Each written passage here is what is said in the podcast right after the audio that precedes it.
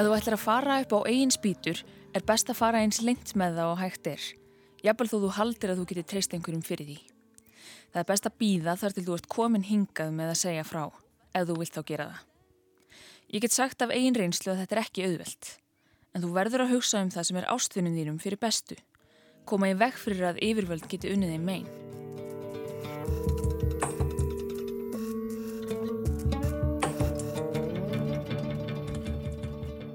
Fjórir mánuðir síðan ég sá þig síðast, mamma. Fjórir mánuðir síðan ég sá þig síðast brosa. Fjórir mánuðir síðan ég fór án þess að kveðja. Efastu aldrei um ást dótturðinnar í þinn garð, mamma. En mamma, hún er þessum heimi ekki sambúðin. Fyrirgeðu mig, mamma, að ég skildi fara. En ég veit að þú ert búin að sætta þig við að ég komi aldrei aftur. Sú sem þetta skrifaði á vormánuðum 2014 kallar sig Um leið. Það er arabíska, merkir móðir ljónsins. Hún bjó og býr ennað best við vitum í borginni Rakka í Sýrlandi. Hriðjuverkasamtökin allræmdu sem kenna sig við Íslamst ríki hafa haft Rakka á sínu valdi síðan 2013. Borgin er þeirra höfuð víi í stríðsjáðu landinu.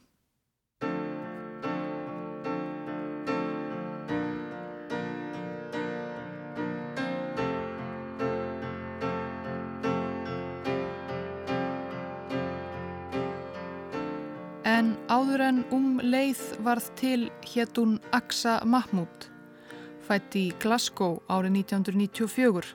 Fóreldrar hennar eru ættaðir frá Pakistan, velstætt fólk af millistjett, fadir hennar rekur eigið fyrirtæki.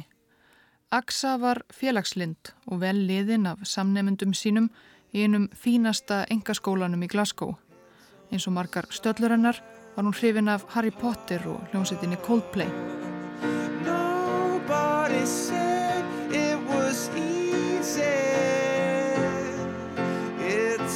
Such a shame for us to part. Nobody said it was easy. No one ever said it would be this hard. Oh, take me back to the start. Ætlaði að verða læknir eða livjafræðingur en án þess að foreldrar hennar tækju eftir nokkru misjöfnu heitlaðist hún af boðskap öfgamanna sem hún komst í kynni við á netinu, stuðnings- og liðsmanna Íslamska ríkisins. Og einn nabran vetrardag í november 2013 strauk hún að heiman. Hún flög til Tyrklands og þaðan smiklaði hún sér yfir landamærin til hins stríðsjáða Sýrlands þar sem hún gekk til liðs við Íslamska ríkið, tók upp dullnefnið um leið og setti staði í rakka. Venjulegur dagur í lífi mínu snýst um sömu skildur og venjulegar húsmóður. Ég bý sem stendur í sistra búðum með mörgum öðrum sistrum í rakka. Hér er séðum okkur þangar til eigin menn okkar finna okkur húsnæði, ef Guði lofar. Allavega, dagurinn snýst um að elda, þrýfa, sjá um og kenna börnum. Haha, ég kunni nú ekki einu svona elda þegar ég gifti mig fyrir þremur mánuðum, en ég hef svo mikinn frítíma núna, ég er búin að læra það. Treysti mér, sýstur, æfingin skapar meistaran. Þessir tekstar eru teknir af bloggsíðu sem um leið helt lengi úti. Stundum er nóg ramagn og stundum er ekkert. Það fer eftir ímsu. En þú verður að vera undir það búin að geta ekki hlaðið símanðinn eða það verði engin ljós. Guðu sér lof fyrir kerti og vasaljós. Og kannski jafnvel að læra þvó fötin þín með höndunum því það er ekki hægt að reyða sig á þóttavélarnar hérna. Kannski hljómar þetta allt voðalega erfitt en það er miklu auðveldar en það hljómar að aðlagast lífinu hér. Svo verður nógur tími til að fræðast og leggja kóraninn á minnið og þegar einmaðurðinn á tímaaflugu fyrir hann kannski með þér að æfa skotfimi eða eitthvað. Og ef eigin maðurinn leifir getur þú farið út á internetkaffihúsið eða á markaðinn ef þið vanhagur um eitthvað.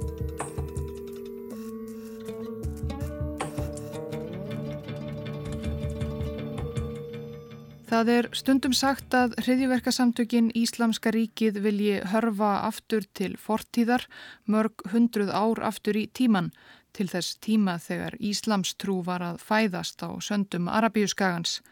Vissulega er margt í hugmyndafræði og stefnu samtakana sem rennir stóðum undir slíkar yfirlýsingar, dauðarefsingar, þrælahald og önnur forneskja. En á vissanhátt eru samtökin líka mjög nútímaleg nýta sér óspart nýjustu tækni og vísindi í þáu málstæðarins. Eflaust höfum við flest einhverju sinni séð brotur áróðursmyndböndum samtakana í fréttum eða á netinu. Gíslar í appelsinugulum serkjum með nýfa upp við hálsin, svartklættir böðlar.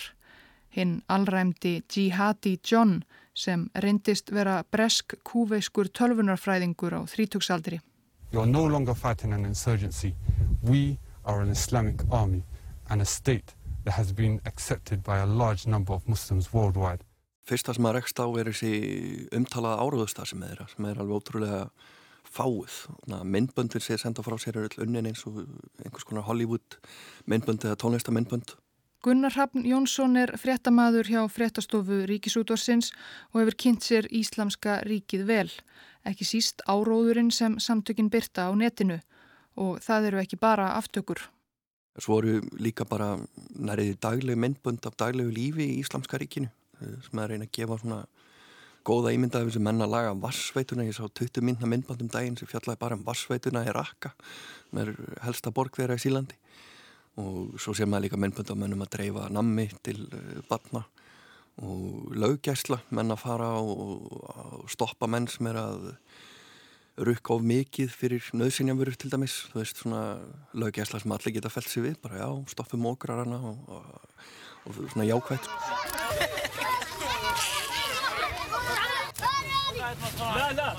Minni hluti myndbandana er hins vegar þessi óbeldismyndband sem maður þekkir úr, úr fjölmjölum og þar hérna gangaði er alveg gríðarlega langt í hinn áttina bara sína algjör af villimennsku.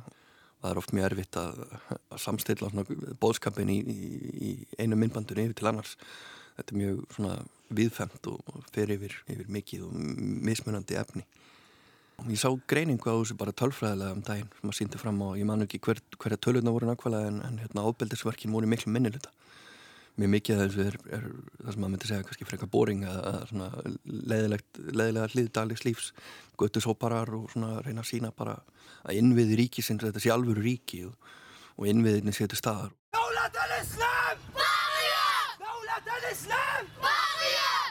Aftökumyndböndunum er á nefa ætlað að hræða, láta okkur í hinnu siðspilta vestri renna kallt vatn milli skins og hörunds þegar böðla Íslamska ríkisins ber á góma. En markkópur þessara jákvæðari myndbanda um götusópara og vassveitu viðgerðir er annar. Þeim er ekki síst beint til annara muslima úti í heimi, muslima sem Íslamska ríkið vil fá til sín, til að geta rent stóðum undir tilkall sitt til þess að vera heið eina sanna Íslamska ríki. Og það sem er merkilegt kannski er að þetta er á 26 tungumálum hefur hann. Það eru tungumálum sem að býst við, náttúrulega arabíska, enska, tyrkneska, franska, alþjóðlu tungumál en svo eru líka indonesiska og kínverska og uh, hollenska, flæmska, alls konar tungumál. Þannig að þeir eru reyna að hafa þetta mjög breyðshóps við um heim sem að eigi þá koma ekki endilega bara berjast fyrir það. Allah gepriesen und erhaben, er versprach seinem Diener die Rückkehr der Sharia, ad-Dawlatul Islam. Svo náttúrulega þegar menn er að spyrja spurninga og fá svör, það er svona bara verið að gefa tips um hvernig maður kemst til Íslamska ríkisins og, og hvernig maður ber sig að þegar maður er komin ánga, hvað maður taka með sér og, og bara svona praktískari hlutir líka. Praktískari hlutir? Það var einmitt það sem Glasgow mærin um leið einbeitti sér að. Áður en hún flutti til Raqqa í sírlensku eðimörkinni þegar hún var enn Aksa Mahmúd hafði hún eins og öruglega lang flestir jafnaldrarinnar verið virkurnotandi samfélagsmiðla þegar hún fórað heiman á Facebook, Twitter og bloggsíðunni Tumblr. og það hjælt hún áfram að vera eftir að hún flutti til Íslamska ríkisins undir nafninu Um Leið. Hún hjælt áfram að tvíta og blokka. Nú beindi hún orðum sínum öðru fremur til stallsistra sinna, annara ungra múslimakvenna sem hrifust af málstað Íslamska ríkisins, hugðu kannski á flutninga, rétt eins og hún hafi gert. Lofaður sér drottin. Við erum búin að setja saman lista af hlutum sem gott er að taka með fyrir þær sem ætla að flytja á næstunni og líka nokkrar ráðleggingar. Fyrir veturinn, úlpa, svört eða dökkblá. Vassheldir hlýir skór fyrir rygningadaga. Flísnáttfutt, nætutnar geta orðið mjög kaldar á haustin og vetuna. Tvö pör af joggingbuksum, langarma peysur, þykir sokkar þrjú eða fjögur pör, góðar jókabuksur eða leggings, þrjú eða fjögur pör, húfu og þykkan trefil, treysti mér, ég nota trefilinn mikið, jafnvel innandira, síðasta vetur. Það eru opnar hérna, lofaður sér drottin, en yfirleitt ekki hverju herbyggi.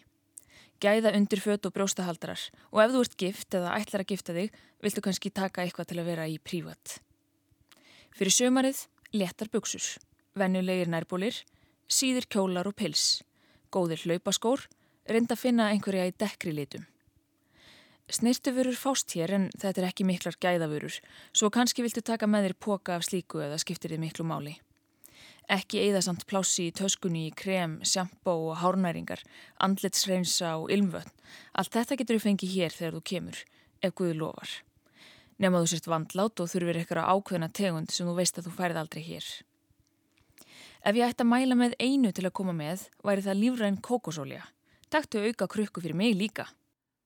Það vakti mikla fjölmiðla aðtikli í byrjun síðasta árs þegar þrjár breskar táningstúlkur, ekki nema 15 og 16 ára, struku af miðstjættar heimilum sínum í Lundunum, laumuðust til Tyrklands og þaðan yfir til Sýrlands, rétt eins og Aksa Mahmúd um leið hafði gert á undan þeim og fjöldi annara ungra kvenna. Vinkonurnar Amira Abase Shamima Begum, báðar 15 ára, og Khadisa Sultana, 16, höfðu reyndað hilja spór sín fyrir brottför, eigða ummerkjum um ferðir sínar og gjörðir á netinu þar á meðal. En á Twitter síðu Shamimu stóðu þó enn ein skilabóð eftir. Það voru skilabóð til um leið sem er talin hafa hjálpað þeim að skipulegja flóttan til Sýrlands.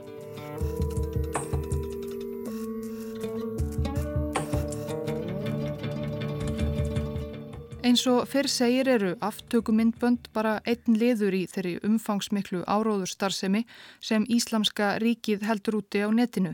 Sérleg áróður stild samtakana kallast Al-Hayat.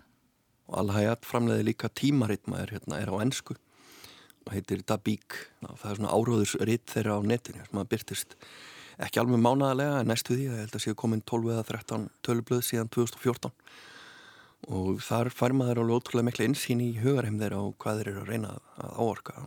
Við erum að tala um tilurð Íslamska ríkisins áru greinar eftir, eftir liðsmenn þeirra og eftir hérna, toppmenn í, í samtökunum og uh, þeir voru svona farið yfir hvað þeir ætlaði að gera og þeim, þeim tíma náttúrulega voru þeir að vinna mikið þetta 2014 og 2015 þeir voru leggjendur sinni í svæði og þeir voru fögnuði því mikið og fjölluði um hernaðar að gera sínar og gafu insýn í hvernig væri að berjast með þeim og hvöttu fólk til að koma og og smám saman hefur þetta uh, breyst. Það eru mikla deilur meðal múslima náttúrulega um þetta uh, tilkallir til kalifaveldis sem að leggst mjög illa í marga meira segja mjög öfgafulla hriðverkamenn líst bara illa á á svona guðfræðilega bakgrunn þessara manna sem er að þykjast vera leðtöfar múslima og uh, þess vegna hefur blæðið þróast mjög mikið yfir í svona guðfræðilegar deilur í raun og veru. Þannig að nýjastu tölublöðin sem ég lesi hafa verið uppfullað uh, greinum eftir einhverja klerka á þeirra vegum þar sem að þeir eru að í raun og veru færa rauk fyrir málið sínu og að þetta sé ekki gegn Íslam þó að það sé klárlega gegn Íslam það sem þeir eru að gera.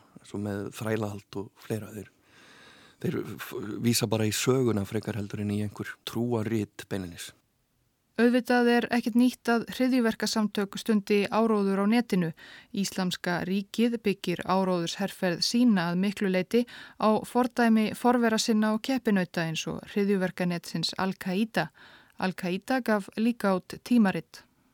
Tímaritt sem heitir Inspire það var oft freka fyndið tímaritt það verður að segjast eins og verð það var greinlega einhver, einhver freka flippaði vesturlandabúi sem að reittstýri því og, hérna, og þar voru svona greinar með titlum eins og How to make a bomb in the kitchen of your mom.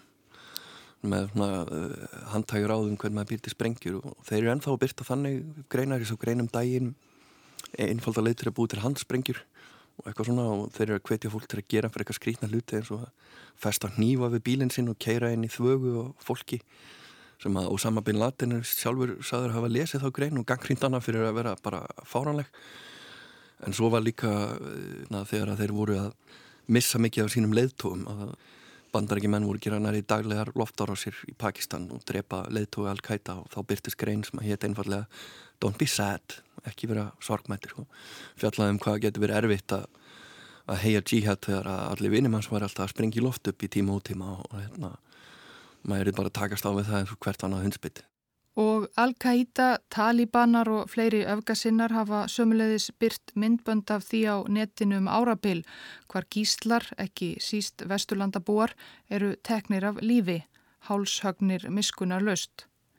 En það sem enkenir áróðusmyndbönd Íslamska ríkisins er aftur gæðin, hversu mjög þau líkjast Hollywoodmyndum og yfirvegunin bæði af hálfu böðuls og gísls. Það er, það er málið með aftökumyndböndin er að þeir hérna, það er oft talað um af hverju berjast þeir ekki að móti og voðalega er menn rólegir þó sé verið að fara að drepa þá en málið er að þetta er kannski taka nú með 50. Það er búið að gera þetta marga, marga daga eða vikur í röð að dreginn fyrir fram að myndavenna og nýfur settu halsina þér og svo bara klift og þú farið að fara aftur inn í klefa og, og þeir eru sagt að þetta sé bara, þú veist, áróður, það sé ekkit að fara að koma fyrir þig síðan bara einn góðan þetta fer nýfin inn í hálsina þér og bara kemur þér óverum þessar kenningar um að menn séu á livjum eða eitthvað, ég held að það sé ekki rétt, ég held að það sé bara bara uh, endutekningin það hefur lekið örlítið út úr því sem það er sagt vera stúdíó í Raqqa. Ég hef séð myndir teknar leinilega með farsimum inn í því húsi sem að þessi frægi böðull Jihadi John sérst standandi fyrir framann svona grænt tjald með vift við hliðin á sér og með gísl fyrir framann sig og með nýfi hendi. Og þarna hefur verið að taka upp myndband sem við höfum vantilega séð á Vesturlandum þar sem hefur verið að hóta því að lífláta gísl og það lítur út fyrir á myndbandinu eins og þann séð út í eðimörk en ef maður hugsaður um það þá er það hættulegt að vera með stórt tökuleið út í eðimörk ef það er njósnaflugulegar að fljúa yfir. Hann er að það sé verið að skera hér að framlega þetta einandera í einhvers konar sjómasstúdíu eða byggingu sem einréttu til þess. En hvað fær ungt fólk fætt og uppalið á vesturlöndum til að ganga til liðs við samtök sem gera út á slíkan hrylling? Á vissanhátt er það á nefa einmitt hryllingurinn sem lokkar marga. Þeir sem að sérstaklega koma á vesturlöndum, þetta eru óskum venjulegi strákar, þetta eru ungi strákar og þeir eru bara þú veist, ákveðin hátt heilaþvegnir en líka bara þú veist, það var ekkit fyrir þá heima þeir voru ekki hluti af samfélaginu sem að maður sé, þú veist önnu þriða kynnslóða múslima maður býr engstlaðar í útkverfi Brussel og hefur fá atvinnutækifæri og ert kannski ekki droslega góður í frönsku eða flæmsku og, hérna þú veist, þú sér fyrir það, þú verðir kannski göttusópari eða eitulífasali eða eitthvað og svo býstu tækifæri til að þú veist, sitja á herstbaki með sverð og hríðskotabissu og færð gefnar eiginkonur og hús og, og getur verið hetja og svo verður til himnaríkis þegar þú deyr, þannig að þetta eru oft strákar sem að er ekkit trúræknir, er ekkit með bakgrunn hafa ekkit verið í morsku sem börn eða neitt þannig, bara líta á þetta sem svona menningarlega sinn, sinn arf, sinn menningararf og án þess að skilja í raun og veru sína eigin, sína eigin bakgrunn og ég vil ekki fengið neina mentun í því. Og þá finna þér þessa, þessa síður og þessa menna á netinu og segja já þú ert einn af okkur þú ert partur af einhverju starra þú ert hérna, mikilvægur við viljum þig og, og við lítum upp til þín og þú ert frábær og, og þú veist kannski fólk sem aldrei heyrt slikt aður ekki einu svona frá fóröldrum sínum ég fekk svona tilfinningur að það væri svolítið þannig hópur það væri svona ungi reyðir kallrembu strákar Talið er að um fjögur þúsund vesturlandabúar hafi farið til Sýrlands og Íraks á síðustu árum til að ganga til liðs við Íslamska ríkið. Engverjir síðan snúið aftur, aðrir fallið í bardaga, hinnir eru þarna kannski enn. Þetta er náttúrulega mjög fáir hlutfarslega með að við hverju margi múslimar á vesturlandum. Það er þetta bara fárana lítir prósent að bara brota, brota, brota af einu prosenti sem hefur nokkur áhuga á þessu og ef þú lítur á vígamenn íslamska ríkisins þá eru elendi vígamenn mjög miklu minnilhuta, þetta eru aðalega sílendingar og írakar en þeir reykja sér svolítið af þessum vesturlandabúum að því að þetta er svona ákveðin propaganda eða áráðu sigur að þú veist þannig er einhver sem að býr í svokulluðum vellistingum í einum ömulega vestrana heimi og hann vil koma hingað og vera með okkur og hér er betur að vera أمتي قد لاح فجرا فارقب النصر المبين دولة الإسلام قامت بدماء الصادقين أمتي قد لاح فجرا فارقب النصر المبين دولة الإسلام قامت بدماء الصادقين Konur eru í minni hluta þeirra vesturlandabúa sem hafa gengið til liðs við Íslamska ríkið, nokkur hundruð kannski. Líkt og ungu reyðu mennirnir hafa þær fylst með ólýsanlegum þjáningum trúbræðra sinna og sistra í Sýrlandi og fleiri stríðsjáðum ríkjum í frettum árum saman. Þær eru reyðar, vilja ekki láta sitt eftir likja og grípa til aðgerða. Finna sig eftir vill ekki heima fyrir, í landi heiðingjana eins og það kallast í tungutaki augafullra múslima. Í Íslamska ríkinu sjá þær fræ sann íslamskrar útópíu sem þær vilja taka þátt í að rækta. Það er bara, veist, þetta að finna sér eitthvað, einhvern staðar sem að maður tilherir bara fyrir það að vera maður sjálfur, að vera með kvítahúðu, að vera með arbísnafn eða, eða hvað það er sem er ingöngu skiljaði í hópin að veist, þetta er mjög öflugt, það er þannig sem að samtök vinna og, og hérna, sértrúasöfniður og aðrir, bara, það er útrúlega sterkur stert vopna að, hérna, að uh, svona skilirislaus uh, kannski ekki ást en, en þú veist, skilirislaus uh, skilirislaust samþyggi þú veist, þeir eru krakkar þeir uh, alast upp í bíómyndir og tölvuleiki og sjá þú veist að óvinnurinn er uh, alltaf að sprengja í loftu upp einhverja saglösa araba í uh, sjómarpunu og, og þeim finnst bara þessi komin tími til að berjast á móti og þeir skilja ekkit stærra samengið sko, það er bara, þetta er, þú veist, já, vera með þú veist, þetta er svona múæsingur og, og hérna og kannski ekki ósvipa á sumi krakkar leiðast út í glæpi og eitulif og, og hérna,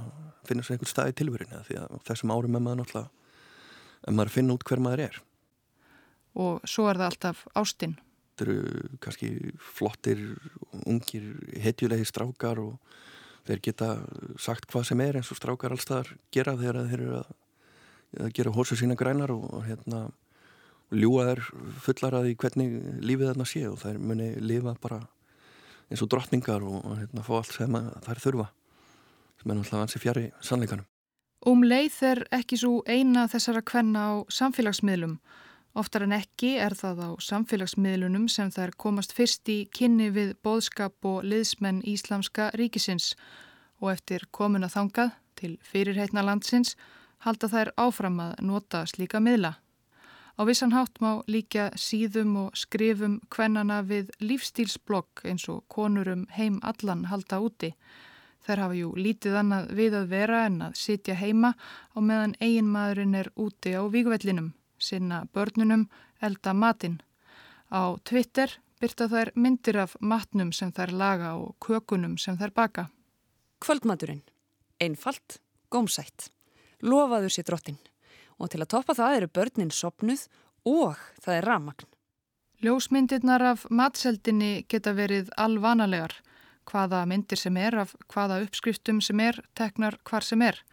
En stundum bera jafnvel þær, matar ljósmyndirnar, óneitanlega merki þess hvar á jörðinni við hvaða aðstæður þær eru teknar. Kona sem kallar sig Um Mujahid 93, kannski vísar talan í nafninu til fæðingarásins, þá er hún svona 22-30 ára gömul.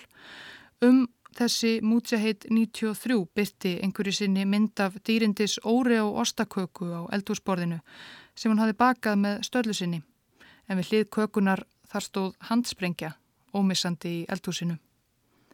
Sömuleiðis byrta konurnar yðurlega krútlegar myndir af ungum börnum sínum, barnamyndir eins og flæða yfir samfélagsmiðla allstaðar og alltaf að þér virðist. Nema hér eru börnin kannski alklætti svart, drengirnir með borða á enninu með svörtum fána Íslamska ríkisins og svo kannski eru þau með skambissur sér við hlið börnin. Stelpurnar byrta líka myndir af sér á vinkonuhittingum. Tvær, þrjár, fjórar ungar konur heima að slúðra eða úti í gardi í sólinni með ís. Allar sveipaðar svörtum slæðum, andlitin hulinn og stundum með AK-47 hríðskotarifla á aukslunum. En er þetta ekki glansmynd? Hver er raunveruleg staða þessara kvenna í Íslamska ríkinu? það er bara halveg skjálfilega sögur sem maður eru heilt af þeim sem hafa sloppið það, er, það eru gefnar einhverjum vígamanni og eiga bara framlega börn fyrir hann og vera innan dýra, helst ekki fara út og svo sjálfsögur deyr hann fyrir það síðar. Hann, þetta, er, þetta er stríð og, og mikið mannfall. Og þá er, ertu kannski bara kemur einhver vinur hans og tekur þið til gerir það sinni konu og þú er látin ganga á milli einhverja vígamanna sem þú sérð kannski afar sjaldan og þú sér það og þá er kannski bara komnið til að nauðga þér. Eða í, þú veist það eru raun og veru lítil smetnar sem, sem manneskur það eru einhvern veginn það koma næstu í fram með konun það er bara eins og búfjana þarf einhvern veginn að halda uppi og fæða og klæða en ekki mikið meira það. Bara það eru þarna gegn ákveðinu hlutverki uppeldislutverki og, og það vantar börn, þeir eru mikið að þjálfa börnin upp í sínu hugmyndafræði. Þannig að Já, það er ekki til mikils að græða fyrir neina konu að flytja þarna held ég. Hlutverk kvennana er jú að giftast vígamönnum og hlutverk vígamannana er að berjast til síðasta blóðdrópa. Það gefur því að skilja að margar þessara kvenna og stúlkna verða ekkjur og það ansi ungar. Meðal þess sem um leið skrifarum í ráðleggingum sínum til trúsistra sinna er að þær verði að vera undir það búnar andlega að eiginmaður þeirra degi píslar dauða á vývellinum. Það sé óumflíjanlegt. Sistur, kannski eru þið þegar giftar heilugum stríðsmanni. Eða vissar um það að þegar þið giftið ykkur verði það stríðsmaður. Sistur, með þessu verði þegar átt ykkur á raunveruleikanum. Því þið eigið að öllum líkendum fyrr en síðar eftir að fá fregnir af velgengni eiginmanns ykkar. Það er píslar dauða hans. Þannig að þið hafið kannski fyrir dauðan byrjað að bú ykkur undir það andlega en því miður vita margar ekki hvað gerist næst. Þið vissuð að þið vilduð giftast stríðismanni, hvers vegna lásuðu ykkur ekki til um hvaða reglur gilda eftir dauða hans? Hversu langur sorgartímin er? Hvað þið megið og megið ekki gera? Hverju þið megið og megið ekki klæðast? Og það sem mestumáli skiptir, réttindi ykkar sem múslimakonu og jafnvel ný orðnar ekkjur eru á Twitter. Ég sverða, aldrei hefði mig grunað að ég er því í Sýrlandi hvað þá ekki átján ára. En í hjarta mínu er ég sáttu það að eiginmaður minn hafi yfirgefið þennan heim þegar hann barðist fyrir drottin. Raunveruleikin rennir upp fyrir manni þegar maður fer í brúðköpsveislu og huggar ekki sama daginn. Lífið í landi hins heilaga stríðs.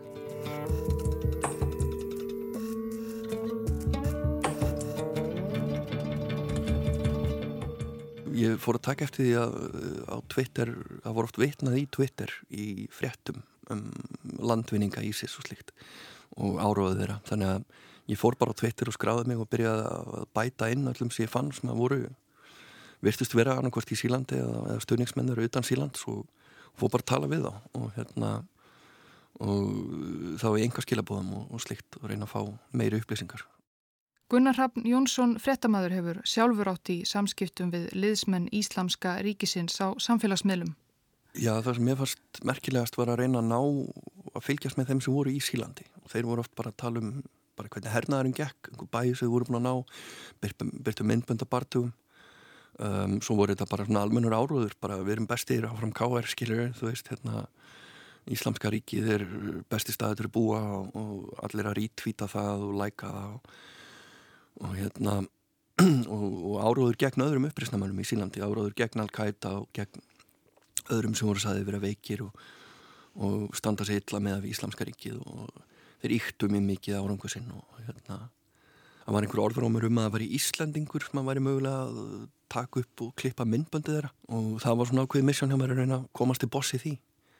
Ég fekk eitt mann til þess að aðtöða fyrir mig eh, sem bjó í Raqqa og hann fór fyrir mig að hann sagði allavega í hérna á stað þar sem erlendir vígamenn voru þeir eru aðskildir frá, frá sílendingum og slíku.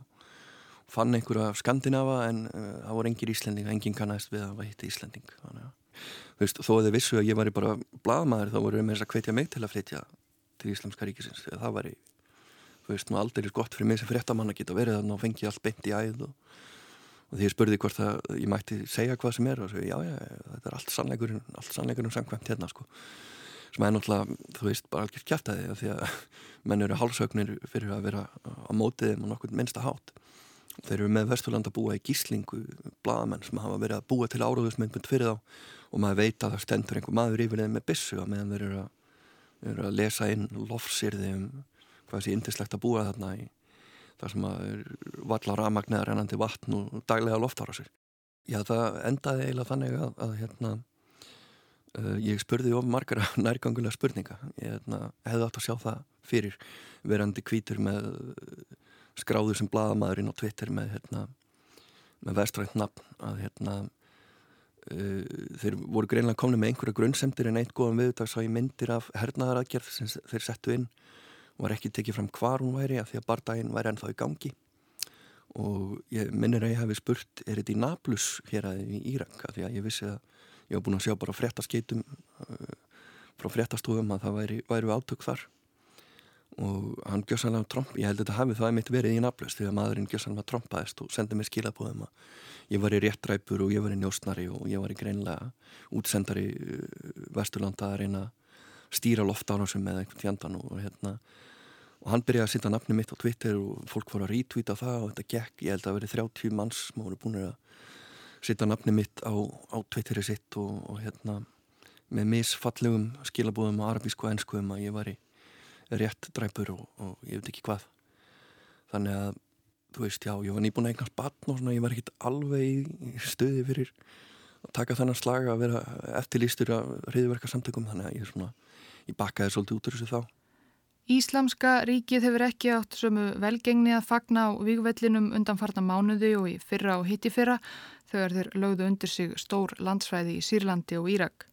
Nú er sótað samtökunum úr öllum áttum. Sömu leiðis er orðið erfiðara fyrir liðsmenn þeirra að aðtapna sig á netinu. Það farið að búið að vera loka mikið áná sérstaklega eftir árið saman í París í november. Að hérna það var mjög auðvelt að komast í samband við, eh, við Íslamska ríkið áður á, á Twitter. Núna þurfa þeir aðeins að, að leina eh, takmörkum sínum meira.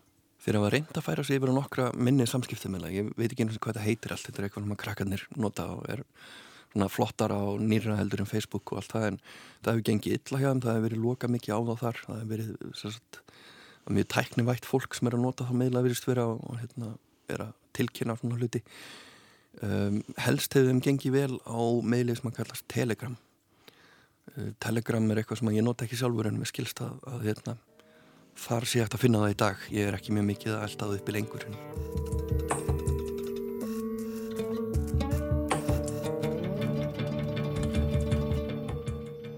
maður er alltaf að heyra fleiri og fleiri sögur af mannum sem er að reyna að snúa tilbaka og er án einhver teknir að lífi fyrir að reyna að flýja eða komast alla leið við illan leik aftur heim. Og þá tekur við annarkort yfirleitt fangelsi eða eitthvað þaðan að vera. Þannig að það er margir sem að segja sem að stútir þetta mikið að, að þú myndir vinna mikinn segur gegn Íslamska ríkinu með því að uh, í raun og veru veita fólki svolítið afslátt af því sem að það hefur mögulega gert af sér með því að fara hana út og, og, og reyna frekar að endurhæfa það heldur en að setja það beint í fangelsi þegar það kemur heim. Það skapar þá tilfinningu hjá þeim sem eru út í Sílandi að þeir eigi ekki afturkvæmt. Og, og ef, þið sjá einhverja vona glætu um að geta þú veist, yðrast og fengið að snúa aftur að þá held ég að mjög margir myndu velja það því að raunveruleikin sem mætir þeim er ekki sá sem er presenteraði fyrir þeim á netinu. Þetta er, þetta er stríðsvæði fyrir utan allt annað Bloggi um leið á Tumblr var lokað fyrir nokkru mánuðum Eflaust hefur hún fært sig um set á einhverja aðra síðu í myrkari skúmaskot internetsins Það er að segja ef hún lifir enn, hefur ekki látið lífið í loftárásum vesturveldana á rakka. Það síðasta sem um leið gerði á opnu síðunni sinni síðasta haust var að svara nokkrum spurningum lesenda. Eitt spurði, er ekki fangelsisvist í Breitlandi betra hlutskipti en að búa í Sýrlandi? Akkur kemur ekki bara aftur? en um leið svaraði að deyja í þessu fallega landi væri mér meiri nöytt en að lifa í vellistingum í vestri.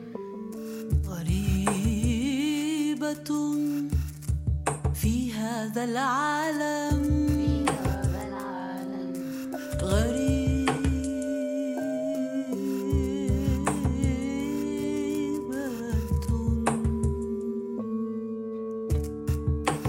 وفي الغربة وحدة قاسية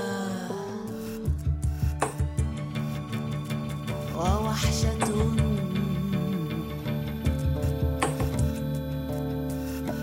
موجعة.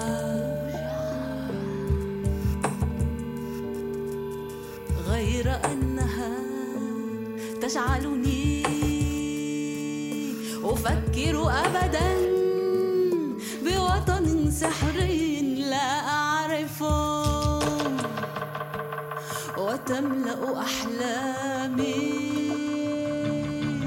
بأشباح أرض قصية ما رأتها.